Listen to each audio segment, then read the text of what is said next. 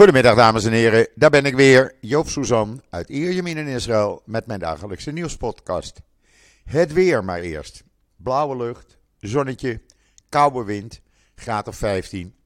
Daar moeten we het mee doen. En s'nachts nog steeds hartstikke koud. Vanmorgen weer 4 graden toen ik naar buiten ging. Ja, eh, ik kan er niet meer tegen. Maar goed, zoals ik gisteren ook zei, nog een paar weken en dan breekt het lekkere voorjaar aan. En dan eerst even iets anders voordat ik eh, met het nieuws begin. Er ligt een uh, uniek verzoek aan uh, koning Willem-Alexander om verzetsheld Jan Zwartendijk te, te eren. Jan Zwartendijk, weinigen kennen hem, maar het NIW is daar opgedoken en heeft daar een heel artikel nu, een paar artikelen al aan gewijd. En vandaag hadden ze een artikel online staan, je kan het lezen op de website van het NUW. Because Jan Zwartendijk, uh, omdat Jan Zwartendijk een van onze grootste verzetshelden is. Hij redde het leven van duizenden Joden, maar slechts weinigen kennen zijn naam. En daar moet verandering in komen. Daarom ligt er nu een door de uh, Kamer een kamerbreed gedragen verzoek bij de koning, ondersteund door uh, alle Joodse organisaties, om Jan Zwartendijk alsnog postuum te eren. Esther Voet heeft daar een heel uh, artikel in gemaakt, van gemaakt. Uh, ja, Jan Zwartendijk, uh, het was een diplomaat. En hij kreeg uh, notabene in 64 een reprimande van toenmalig minister van Buitenlandse Zaken Luns. Jawel, meneer Luns. Omdat hij zich niet aan de consulaire regels had gehouden, maar Joden had gered. Ja, hoe vind je die? Uh, maar uh, ja, wat de man allemaal heeft gedaan, hij heeft echt duizenden Joden het leven gered. En dat moet geëerd worden. Deze man moet een standbeeld krijgen. En dat hele artikel kan je lezen in het NIW uh, vandaag en morgen natuurlijk ook nog. Het staat online. En ja, bijzonder. Steun dit initiatief. En dan is er een levensreddend Israëlisch bloedtestapparaat verzonden naar Turkije. Het is een uh, uh, door het bedrijf Site Diagnostics gemaakt apparaat dat bloed, bloedtestdiagnose kan versnellen om de behandeling uh, buiten ziekenhuizen, dus gewoon in het veld, te verbeteren. Het wordt op dit moment al gebruikt in het Israëlische veldhospitaal, maar is ook gezonden naar het ziekenhuis wat overgenomen is door Israëli's, omdat het leeg stond. En uh, wordt dus daar nu gebruikt. Je kan het lezen op israelnieuws.nl. Waar je ook kan lezen dat de IDF-delegatie, de zoek- en reddingsdelegatie Olive Branches, olijftakken, uh, teruggekeerd is naar Israël gisteravond. Uh, ze hebben daar niets mee uh, te doen. De medische delegatie is daar natuurlijk nog wel volop aanwezig. Ze hebben een, uh, de 160 mensen die daaraan deelnamen, hebben 19 mensen gered. de jongste was een tweejarige baby, de oudste was een man van 65. Video's en het hele verhaal kan je lezen en zien op israelnieuws.nl. Onder andere een video van uh, een, uh, een oom van een meisje wat door de Israëli's was gered. En uh, die zo blij was dat hij een oude gouden munt aan een van de redders overhandigde. Heel bijzonder allemaal. Daarnaast hebben IDF en veiligheidsdiensten de afgelopen nacht 24 terreurverdachten opgepakt. Die stonden op de lijst, die zijn bekend. Het is gebeurd in Judea, Samaria, in verschillende dorpen en steden, onder andere in Kalkilia. En deze mensen zitten voorlopig eventjes achter slot en grendel. Ook daar is een video van op Israël Nieuws. En dan door de aardbeving in uh, Turkije is een einde gekomen aan 2500 jaar, 2500 jaar Joodse gemeenschap. Er heeft maar weinig uh, dingen, Joodse uh, attributen, de aardbeving overleefd. Uh, een heel verhaal daarvan uh, kreeg ik door van het Homefront Command. En dat, uh, dat hebben we op Israël Nieuws gezet. een beschrijving van een van de soldaten, een officier. hoe hij naar dat gebied is gegaan en ontdekte dat het Joodse leven echt volledig vernield was. Een heel treurig verhaal, want 25 jaar, 2500 jaar Joods leven, dat, dat is nogal wat. En dat is allemaal vernield, allemaal weg. En dan een uh, Israëlisch bedrijf heeft uh, Aura, uh, Aura Air heeft een apparaat gemaakt waarmee het RSV-virus uit de lucht kan worden gehaald. Dus de lucht kan worden gezuiverd daarvan. En dat is een heel belangrijke ontwikkeling. Het is een heel simpel apparaatje. Staat een foto van op Israël Nieuws met een beschrijving hoe het werkt. En uh, het wordt vooral in Amerika al gebruikt in scholen, ziekenhuizen, bedrijven, hotels, restaurants, bussen en noem maar op. Dat, uh, ja, je hebt dat nodig. Het zou ook in Nederland dan uh, echt van dienst kunnen zijn, denk ik zomaar. En dan Channel 12 Nieuws, en ik heb het vertaald. Die had gisteravond een item wat leidt kinderen ertoe om terreuractiviteiten te gaan ondernemen, martelaar te gaan worden? Uh, ik heb het vertaald, het staat online in israelnieuws.nl. Het heeft te maken voor, uh, met het onderwijssysteem. Er zijn veel scholen die uh, de kinderen opruien. de kinderen hebben het gevoel dat ze geen toekomst meer hebben en dus geen hoop meer. En dan is het gemakkelijker om martelaar te worden. En natuurlijk de ophitsing op social media. Staat allemaal in israelnieuws.nl. Ja, en dan hadden we gisteren natuurlijk die bijzondere dag. Echt een bijzondere dag, want eh, er werd gesproken van eh, 90.000 demonstranten. Maar volgens bedrijven die het weten kunnen en die drones gebruiken eh, voor het tellen, waren er tot 300.000 demonstranten. Zo staat dat ook in de Times of Israel. 300.000 demonstranten die opkwamen voor hun vrijheid en democratie. Maar terwijl al deze honderdduizenden mensen buiten aan het uh, demonstreren waren, gingen Netanyahu en zijn aanhangers gewoon door alsof er niks aan de hand was. Uh, er werden gisteren uh, twee voorstellen goedgekeurd. Die komen volgende week maandag in behandeling, als het allemaal doorgaat, in eerste stemming. Er moeten drie stemmingen plaatsvinden over een wetsvoorstel. En uh, ja, hopelijk komt daar nog een, een, uh, een stop.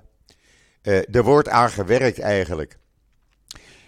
maar als je dan ziet wat er door bepaalde, bepaalde en sommige Likud-aanhangers of Likud-Knesset-leden werd gezegd over deze demonstranten. Dat was die meneer Amsalem. Meneer Amsalem is altijd een schreeuwlelijk geweest. En die vond het nodig om de demonstranten uit te maken voor Mercedes-rijdende, want hij had nog nooit zoveel Mercedes in Jeruzalem gezien, Rolex-dragende uh, linkse anarchisten. En wat blijkt, er was iemand zo snugger om een foto op te duiken van meneer Amsalem, terwijl hij dat gisteren stond uh, uit te brullen in de Knesset. Waarbij meneer Amsalem, deze Likud uh, uh, Knessetlid, een Rolex droeg van 25.000 shekel. Hoe hypocriet kan je zijn? En deze meneer mag na veel gezeur binnenkort minister worden onder de minister van Justitie. Hij mag zich bezighouden met minister van Erfrecht of iets dergelijks wordt hij. Nou, laat hij er blij mee zijn. Maar Opvallend was dat onder deze 300.000 demonstranten vele bekenden waren, artiesten, toneelspelers. Maar wie liep er ook mee? Benny Begin. Benny Begin, voormalig uh, of nog steeds Likud-lid, minister geweest. Zijn vader is de beroemde premier Begin geweest. Die liep mee samen met, zijn, met een van zijn kleinzoons van 18 jaar. En wie liep daar ook mee? De moeder van Mickey Goldwasser. De soldaat die in 2006 door Hezbollah werd ontvoerd, eh, daarna is verbrand. En eh, die zich ook uitsprak tegen de juridische revolutie. Ze zegt: Ik heb mijn zoon niet gestuurd om te dienen om deze dag te bereiken, wanneer mijn land wordt gestolen. Ze zegt: en ze voegden daaraan toe, voormalige Likudniks huilen om de situatie in de partij. Er was er een luitenant-generaal, Gilad Simoni. En hij vertelde aan Wijnet dat hij kwam naar de demonstratie als een bezorgde burger, een patriot, een high-tech man en een oud-militair die vreest dat het land van binnenuit aan het afbrokkelen is. Uh, er waren high-tech bedrijven die gewoon zeiden: mensen, uh, wij sluiten de tent, wij huren bussen en we gaan allemaal naar Jeruzalem toe. Althans, wie er mee wilde, want niemand werd gedwongen natuurlijk. Ik heb jullie de filmpjes laten zien van uh, overvolle treinen. Er moesten vijf extra lange treinen ingezet worden. Zelfs dat was nog niet genoeg tussen Tel Aviv en Jeruzalem. En s'avonds weer terug natuurlijk van Jeruzalem naar Tel Aviv. Dan was er bijvoorbeeld Juliana, een uh, meisje, student aan de Ben Gurion Universiteit. Die aan wij net vertelde over haar gevoelens voordat ze op de bus vanuit Beersheba naar Jeruzalem stapte. Ze zegt: Ik ga demonstreren voor democratie, zodat we niet in gevangenisschap vallen voor één persoon. Ik, ze zegt: Ik ben niet met mijn hele familie geëmigreerd uit de Sovjet-Unie om de democratie kwijt te raken. Ik wil niet dat er een kans is op een soortgelijke, soortgelijke staatsgreep hier in Israël. Eh, en zo waren er een heleboel gewone Israëli's, eh, ouderen, bejaarden, jongeren, kinderen, allemaal aan het demonstreren. En Netanyahu en zijn aanhang ging gewoon door. Nou is er wel een probleem, dat moet ik er even bij zeggen voor Netanyahu.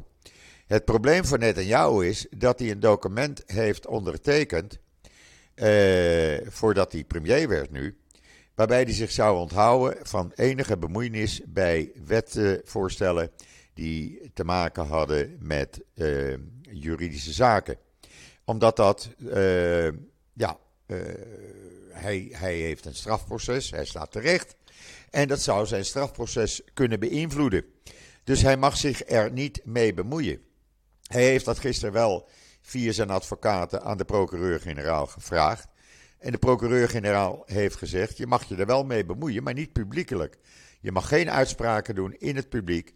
Je mag je er achter de schermen mee bemoeien, maar meer niet. En daar moest hij het mee doen. Ja, hij heeft zichzelf in deze situatie gemanoeuvreerd. Had dan niet met deze rechtsextremisten in zee gegaan. Had dan niet meneer Levin, eh, minister van Justitie, gemaakt, waarvan je wist dat hij al meer dan twintig jaar met dit plan rondliep. Je bent er altijd op tegen geweest, jou. Je wou nooit Levin als minister hebben. En nu? Nu laat je hem zijn gang gaan. Je hebt zelf deze situatie gecreëerd. En dan moet je zelf maar zien uit te komen. Ja, dat is even een groot probleem. Nou, gisteravond kwam plotseling het bericht dat de minister van Justitie samen met uh, de voorzitter van die Knesset-commissie, Rotman, twee fijne mensen, die hadden de oppositie aangeboden: laten we ingaan op het plan van de president en gesprekken beginnen uh, om tot overeenstemming te komen in de residentie van de president. Prima, zeggen Lapid en Gans, dat willen wij best doen. Dan gaan we nu naar de president toe. Maar dan moet je de voortzetting van die uh, besprekingen stopzetten. Zoals de president ook heeft voorgesteld. Ja, en dat willen ze even niet. Ze willen van twee walletjes eten eigenlijk. Ja, uh, je kan niet alles hebben natuurlijk. Zo werkt het niet natuurlijk. Uh, inmiddels is Alan Dershowitz, die beroemde Amerikaanse advocaat, dat is een nauwe vertrouweling van Netanyahu. Hij vertrouwt hem, hij belt hem elke keer voor advies, hij, gaat, hij neemt zijn adviezen ook ter harte. En die zegt dat de uh, Netanyahu openstaat voor een compromis. Nou, dat is dan prima, maar ook Dershowitz zegt, dan moeten even die gesprekken gestopt worden dan moet je ook niet verder doorgaan met onderhandelingen over die wetten. Dan moet je gewoon zeggen: we stoppen even in de Knesset, we gaan eerst met de oppositie praten. Hij zegt er zijn uh, twee uh, principes waaraan moet worden voldaan. Dat het Hoge Rechtshof het laatste woord krijgt over burgerlijke vrijheden en kwesties van gelijkheid. En dat de, rechtbanken onpartij, en dat de rechtbank onpartijdig blijft.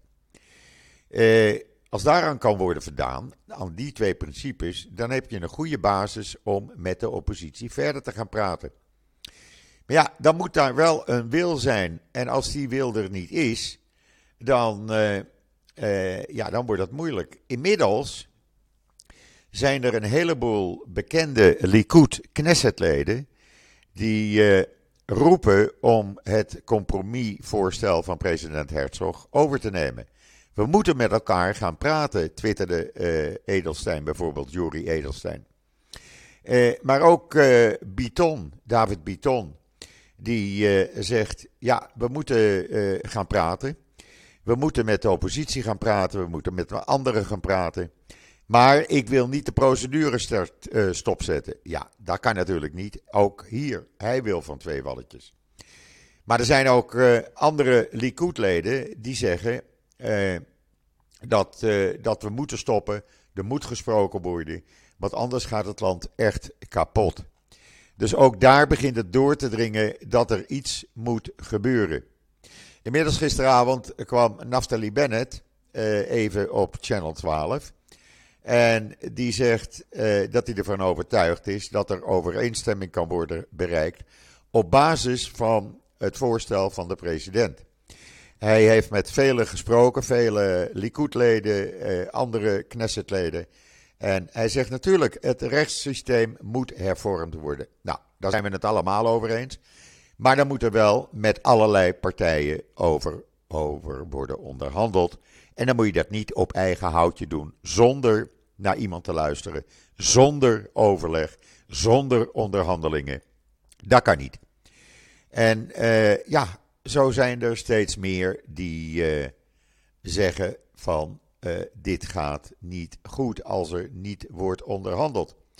En dan als klap op de vuurpijl kwam de voorzitter van de Amerikaanse Senaat, de nummer twee in de Democratische Partij. En die zegt: Netanyahu heeft zijn eigen belangen boven die van de Israëlische democratie gesteld. Dat is senator Dick Durbin die heeft dat even duidelijk aan Netanyahu meegedeeld. Ja, dat zijn nogal uitspraken, zeg ik dan. Uh, en dat, uh, ja, uh, als je dan de kranten ook leest vandaag. alle kranten hebben wel interviews met demonstranten. En wie, wie ze ook interviewen, iedereen zegt hetzelfde. We vechten voor onze vrijheid. We vechten voor onze democratie.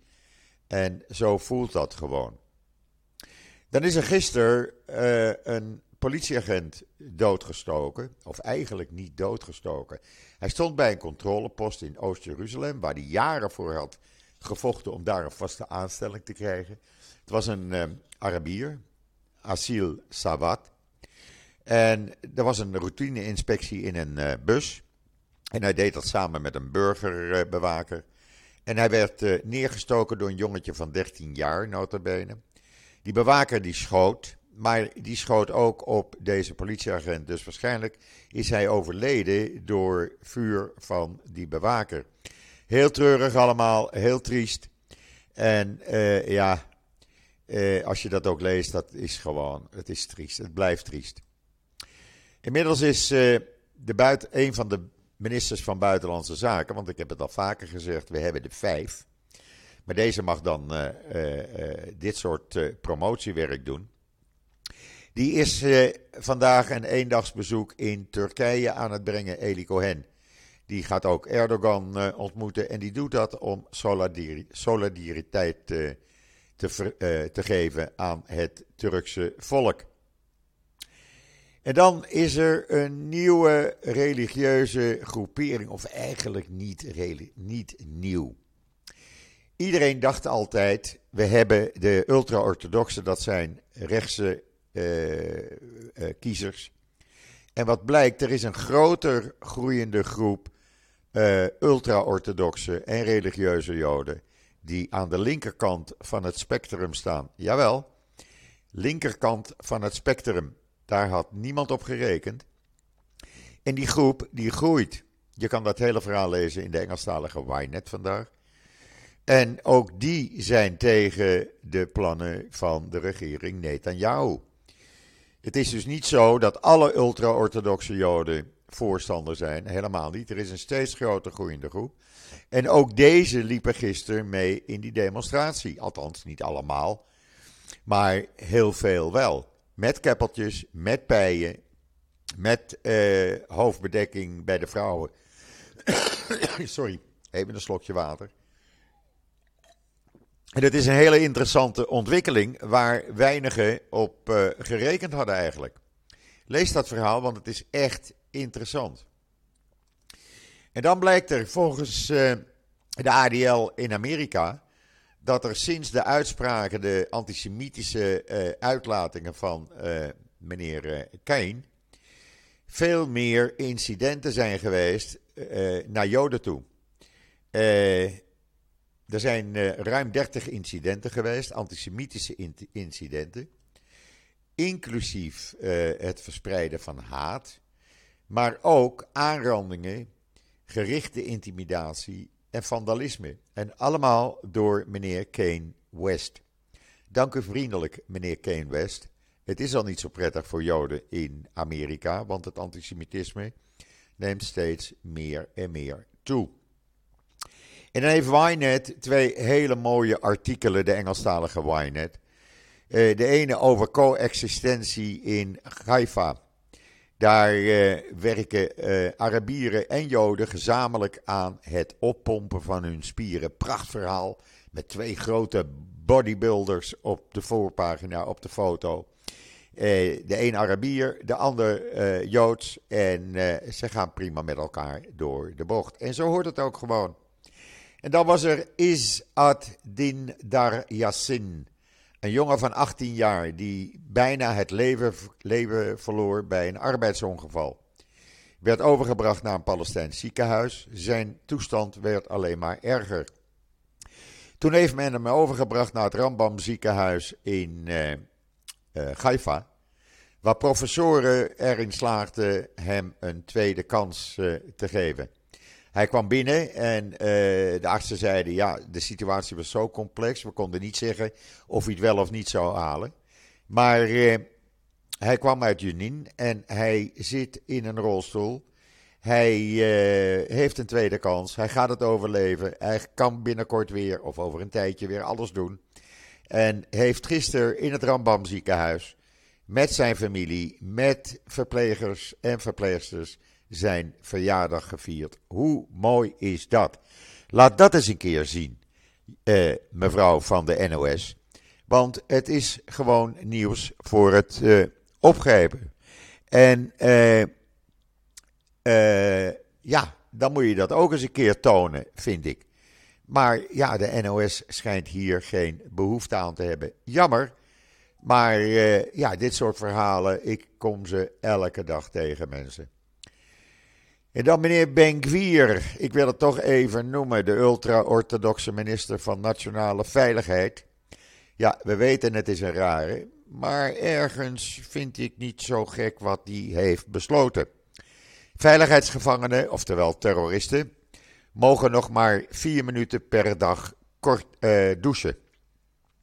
Langer niet. Uh, ze hadden de gewoonte om lekker lang onder die douche te staan. Daar wordt een einde aan gemaakt, want er is maar voor één uur water per dag. Dus ze kunnen geen uren meer onder die douche staan en ook het water niet meer laten stromen zoals ze, zoals ze constant deden. Waarbij er uh, ongeveer 1000 liter per dag uh, door die terroristen in de gevangenis werd verbruikt. Waar gewone criminele gevangenen slechts 500 liter gebruiken en de gewone burger, Jan met de pet in Israël, slechts 250 liter gebruikt. Dus dit is eigenlijk wel een goed besluit. Uh, ga maar lekker uh, maximaal vier minuten onder die douche, dan ben je ook schoon. En anders uh, doe je het maar niet.